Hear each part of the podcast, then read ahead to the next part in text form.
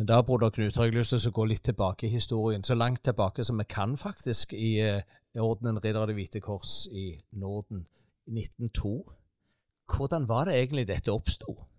Ja, det eh, eh, har noen av oss eh, lurt litt på.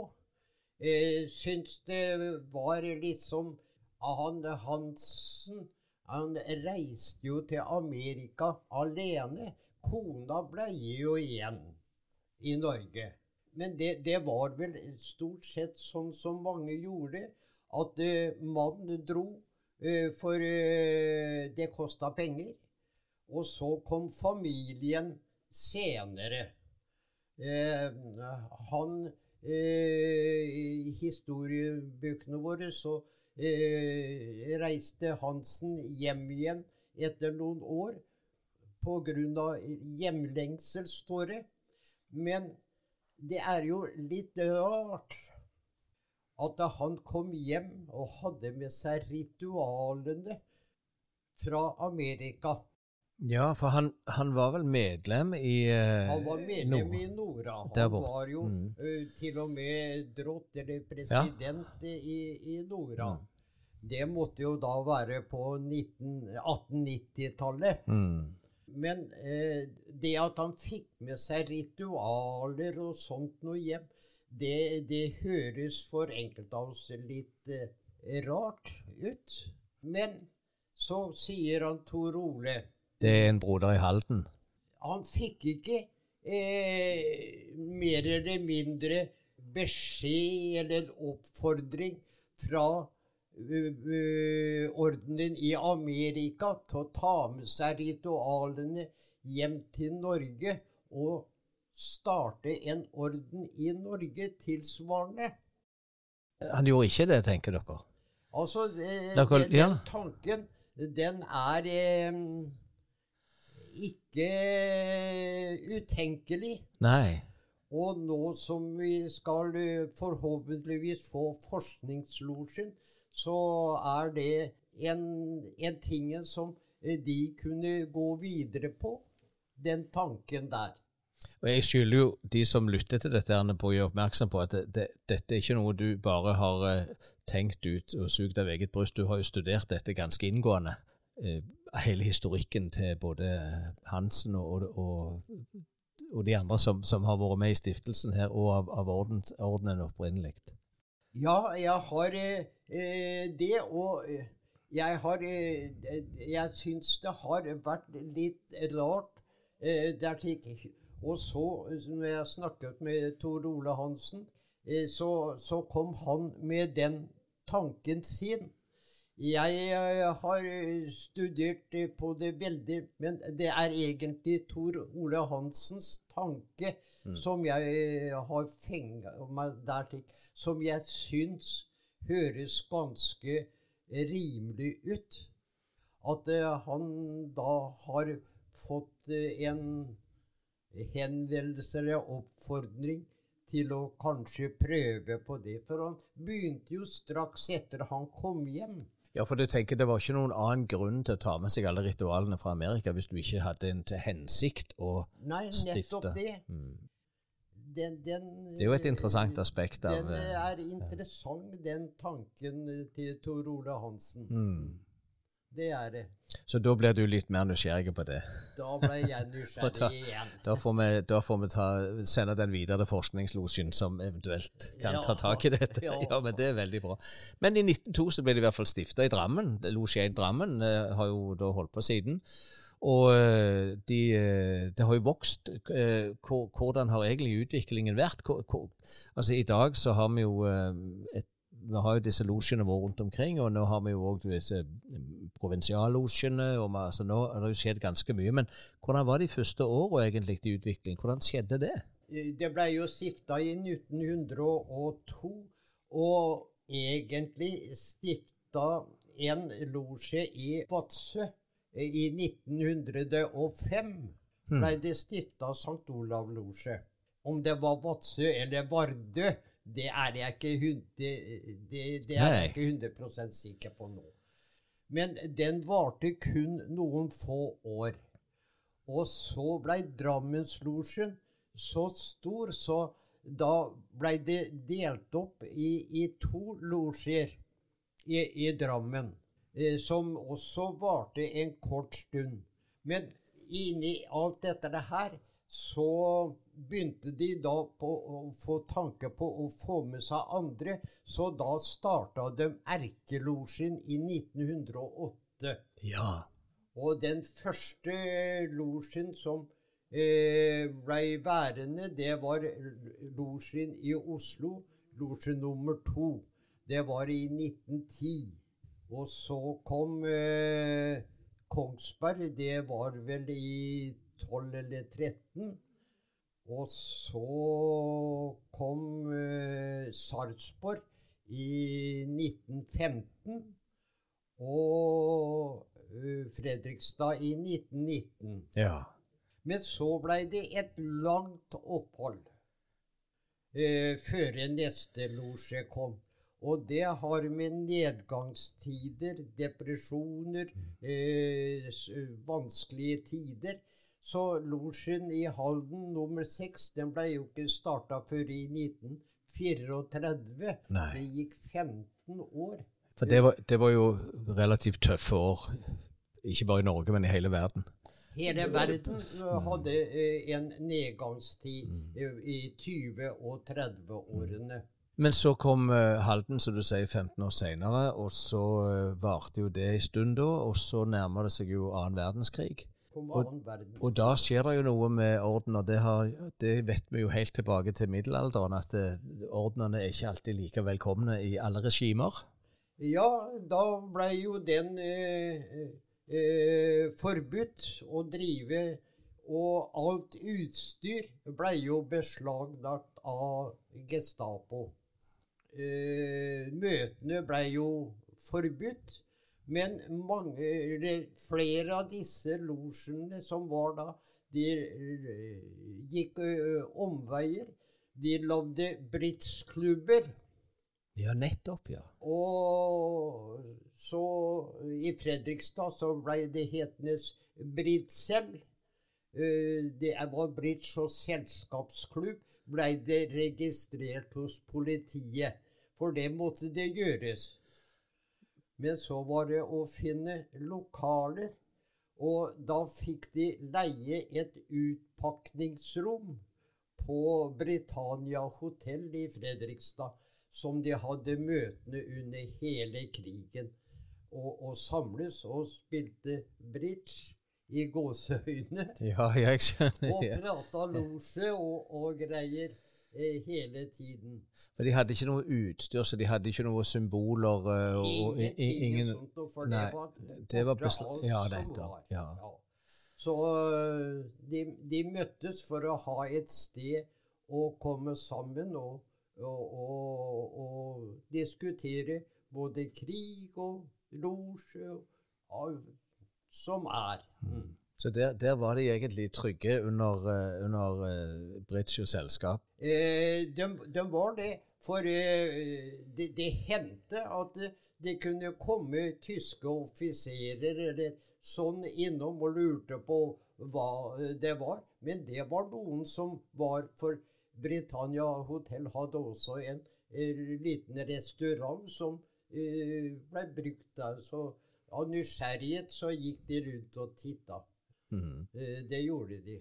Ble noen av disse dette utstyret noen gang tilbakeført? Eh, fant de det igjen etter krigen, eller var det tapt for alltid? Det har jeg prøvd å få snosa opp. Den som hadde fikk mest tilbake av utstyret sitt, eller lurte unna, det var Oslo-losjen. Først så hørte jeg en historie som jeg kaller røverhistorie. Det ble sagt at det ble eh, stabla i en jernbanevogn som de hekta på toget, og som sto på et sidespor i Trondheim under hele krigen. Ja. Det høres eh, ikke riktig ut. Tyskerne hadde jo ganske god oversikt, hadde de ikke det, over hva de hadde og ikke hadde? Ja. Mm. Men eh, jeg har også hørt at de leide lokaler i gamle gjestegivere i Oslo. Eh, og på loftet der så hadde de fått lager av det. Og de fikk også flytta det over til eh, et eh, rom eller et lager borte på festningen Akershus.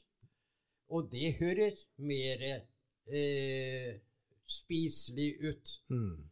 Så når krigen var slutt, så hadde Oslo-losjen mye av sitt utstyr intakt. Så skulle de ha lage nytt utstyr etter krigen. Og det rare er at det mesteparten av utstyret til losjene, det blei produsert og lagd i Fredrikstad. Ja vel. Alt eh, av jern og metall, eller for å si metall, det ble lagd på Sleipner motorfabrikk i Fredrikstad. Hans Johansen, som var disponent, han var eh, eh, drått eh, like før når krigen starta. Og der blei alt det eh, lagd så var det det trearbeidet, får vi si. Det var det en eh, som drev en snekkerbedrift i Sarpsborg som het Sørli, som skulle lage. Men han fikk så mye oppdrag, så det blei satt til side. Enden på visa var at eh, det var en som het eh, Paul Hansen. Eh, han var snekkermester. Og han skulle lage utstyret. Men så fikk han en sykdom, så han ble lam. Og da kom det en ny en, en som het Nødtveit. Han var, hadde møbelforretning og var, lagde møbler. Han overtok og lagde trearbeidene til det som skulle til. Og mm, mye av dette her slik så fikk de mål og tegninger og sånt noe fra losjen i Oslo til å lage eh, dette her. Så Hans Johansen og eh, han Olsen het han som var drott i, i, Oslo den gangen. De hadde et tett samarbeide. Mm. Eh, og de fikk til og med eh, låne utstyr fra losjen i Oslo, eh, som eh, de mangla. Eh, både fra Sarpsborg og fra Oslo. Slik at de kunne sette opp Ridderhallen? Så de kunne sette ja. losjen mm. der slik. Og da kom det to nyopprykka tredjegradsbrødre med dette som de mangla, til Fredrikstad og var med på møtet og overnatta og dro hjem igjen dagen etterpå. Jeg, eh, jeg, har ikke vært med siden 1958, men jeg har vært med i ca. 30 år, altså 30 år sjøl. Eh, det du forteller meg nå, løfter et, noe rundt det der med betydningen losjen kan ha. Altså hvor viktig det er i, i, sånne tider. Altså Etter krigen så var det jo ikke så fryktelig mye annet. Altså hva, skal vi gjøre nå? Nå begynner livet igjen. Og så gjør de så mye for å få i gang losjearbeidet. Det viser noe om hva betydning dette kan ha. Du, eh, losjen, den var for mange eh, Du vet eh, I dag så har vi fått fjernsyn Eh, det er eh, mye som har skjedd eh, innen Som folk bruker til fritiden sin. Mm, mm. Den gangen så var det ikke så mye. Da gikk folk på besøk til hverandre. Ja, ja, det var det. Og foreninger, sangkor og alt sånt noe, det blomstra. Eh, og så blei det plutselig forbudt mye av det. Og da savna folk dette samkvemet med hverandre, og møte hverandre og prate og ha det eh, hyggelig og avslappende. Eh, så derfor så blei det satt i gang i de fleste den gangen, de seks losjene, et eller annet under eh, krigen. Mm. Så de kom sammen. Ja. Mat, det var jo dårlig med. De fikk noe svart brød med noe ubestemmelig pålegg på. Kaffeerstatning. Losjen i Fredrikstad hadde 25-årsjubileum under krigen. Og da hadde de fått ordna så de hadde sild og poteter. Ja. Eh, hadde de da. Ja som de fikk ordna nede på Britannia og greier. Ja. Men så uh, begynte jo ting å ordne seg igjen. Altså disse losjene, De seks losjene de begynte å forme seg. De hadde fått på plass utstyret, de, begynte, de vokste litt igjen, og de fikk i gang på aktivitetene. Og så begynte dette å spre seg videre utover i Norge. Vadsø var nedlagt uh, etter kort tid, uh, men så begynte det igjen å øke her sørpå i hvert fall. Ja, det var jo uh, tanke på uh, losje i Moss. Var det tanke på før krigen. Og da var det en som var fra Drammen, som het Hansen, som hadde flytta til Moss. Og så hadde vi han eh, Larsen i Fredrikstad. De prøvde å starte i losje i, i Moss. Men så kom krigen og stoppa dette her. Og så når krigen var over, så begynte de igjen. Og da fikk de også hjelp av en som het Karper. Eh, som var ivrig, og han De fikk starta losjen i Moss. Eh, Karper han flytta eh, til den andre sida av fjorden, til Horten. Og begynte å starte losjer der. Så han er jo Eh, den som er charterbror til eh, og starta hjalp både Tønsberg og Sandefjord. Og jeg tror han var både medvirka til det både i Larvik og Skien også i sin tid. Det, det er ikke så mange som er charterbror i mange losjer. Ja. det er få og ingen som ja. har vært med på det. Ja. Losjen i Halden Eh, der var det Andreas Østvold. Han var egentlig født og oppvokst i Fredrikstad og var tatt opp i losjen i Fredrikstad i 1927. Eh, Men så reiste han til eh, Halden og blei kontakta der av noen som fra Fredrikstad om at han kan starte losje i i Halden. Mm. Men eh, han, også en som heter Amundsen fra Fredrikstad, han var også reisende. De hadde fått kontakter på Mysen. Men, eh, og der var det så godt som klarlagt at det skulle startet, men så fikk erkestyret kalde føtter for de ville ha i byene først og fremst. Akkurat. Så det blei i grunn droppa. Så Mysen kom aldri på talesiden? Kom aldri på talesiden. Nei, nei. Så da blei det uh, Losjen i Halden blei stifta da i 34 isteden. Hmm. Med Østfold som drott. Og du nevnte dette med han var reisende, sier du. Er det litt sånn utbredelsen har vært vestover òg. Jeg tenker på Bergen, jeg tenker på, på Trondheim, jeg tenker på Stavanger, Haugesund. Eh, sånn jeg ser, så det, har det vært veldig mye av folk som så brødre i en, i en, by eller en losje som har reist til andre steder og knytta kontakter, og så har de etablert noe der og, og, og så videre. Det har vært mange steder, det.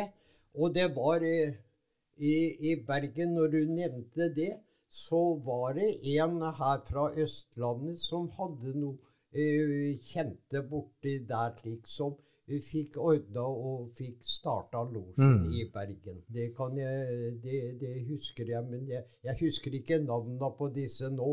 Nei. Jeg sier du det? jeg, jeg, er imponert at du husker til noen av disse navnene sånn sett. I dag så eh, er vi jo kommet lenger òg på, på, det rituelle. Vi skal ikke gå inn på det nå, men, men det har jo skjedd noe da ifra vi gikk ifra å kun jobbe i St. Olavs kapittel med, med, symbolgradene. Og så for noen år siden så kom det da en liten beskjed om at nå var vi klar for neste steg, og da begynte vi å nærme oss ja, komme inn i det som er, i dag er disse skal vi si, høygradssystemet. da. Hvordan, Du har selv valgt å gå et stykke der så langt. Jeg, jeg, jeg tror jeg sa Jeg tror du og meg står i samme grad, faktisk.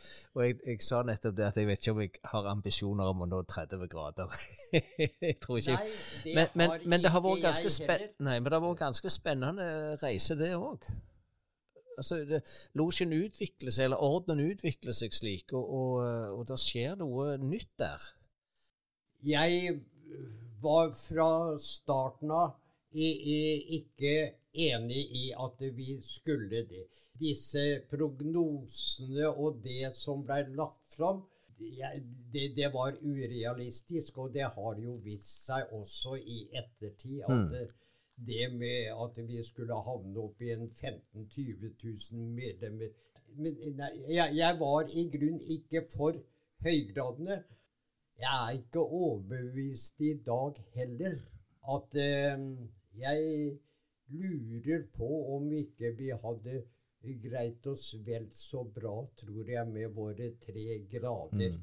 Det er min oppfatning. Ja, men det var det jeg, jeg, var, jeg, det var, jeg var litt nysgjerrig på en refleksjon rundt det der. Fordi at det som skjer etter de tre symbolgrader, etter tre grader, er jo Vi går jo tilbake, men vi, vi får jo nye vinklinger og nye opplevelser og nye sider ved det. Men, men det, kunne, det du sier, at det kunne vi klart innenfor de tre gradene vi har. Hadde. Eh, ja, men så har jeg tenkt Du er i, i grunn imot noe du ikke vet noe om. Ja, det er et viktig poeng, ja. Og da tenkte jeg du kan jo gå inn og så være med og så oppleve eh, dette her. Nei, altså, vi har jo allerede hørt at du, har, du ble tatt opp i los i 1958, så det sier seg selv at det kan være at du ikke klarer én grad i året de neste tolv åra. Det kan skje. Men, eh, men, men eh, jeg har eh, Vi var jo alle gjennom de refleksjonene som du hadde, egentlig, og de tankene. Og den motstanden var jo til stede mange plasser, og, og mistro til, til det hele. Men når vi nå først har det, nå er vi der. Nå har vi disse gradene, og vi har det løpet og den um, Hva tenker du da for brødre som i dag har vært noen år eller i tredje grad og tenker som så Skal jeg gjøre det, eller skal jeg ikke gjøre det? Hva, hva ville du sagt til de? Jeg har eh, tenkt litt på det. Jeg advarer ikke noen med å gå videre. Eh, Jeg tror jeg må si at det må jeg overlate til hver enkelt å gjøre hva de har lyst til. Og jeg tror eh, at eh, med tiden, når vi gamle motstanderne er borte, eh, blir det mer naturlig å gå videre. Som, som du har gått fra første til tredje, så blir det mer naturlig å gå videre. Tror jeg. Og så er det noe i det som jeg syns du hadde et veldig godt poeng i, at eh, med å stå på utsida og mene noe om noe på innsida er jo ikke så lett. Og Nei, altså jeg, jeg, jeg, jeg, jeg, følte det sånn at eh, du, du vet jo ikke, så du kan jo ikke si noe verken godt eller vondt om det. Derfor syns jeg det er veldig fint at du sier at jeg ønsker ikke å anbefale det ene eller det andre, det må folk finne ut av sjøl. Da runder vi av i denne omgang og takker for følget, og så høres vi igjen i neste episode.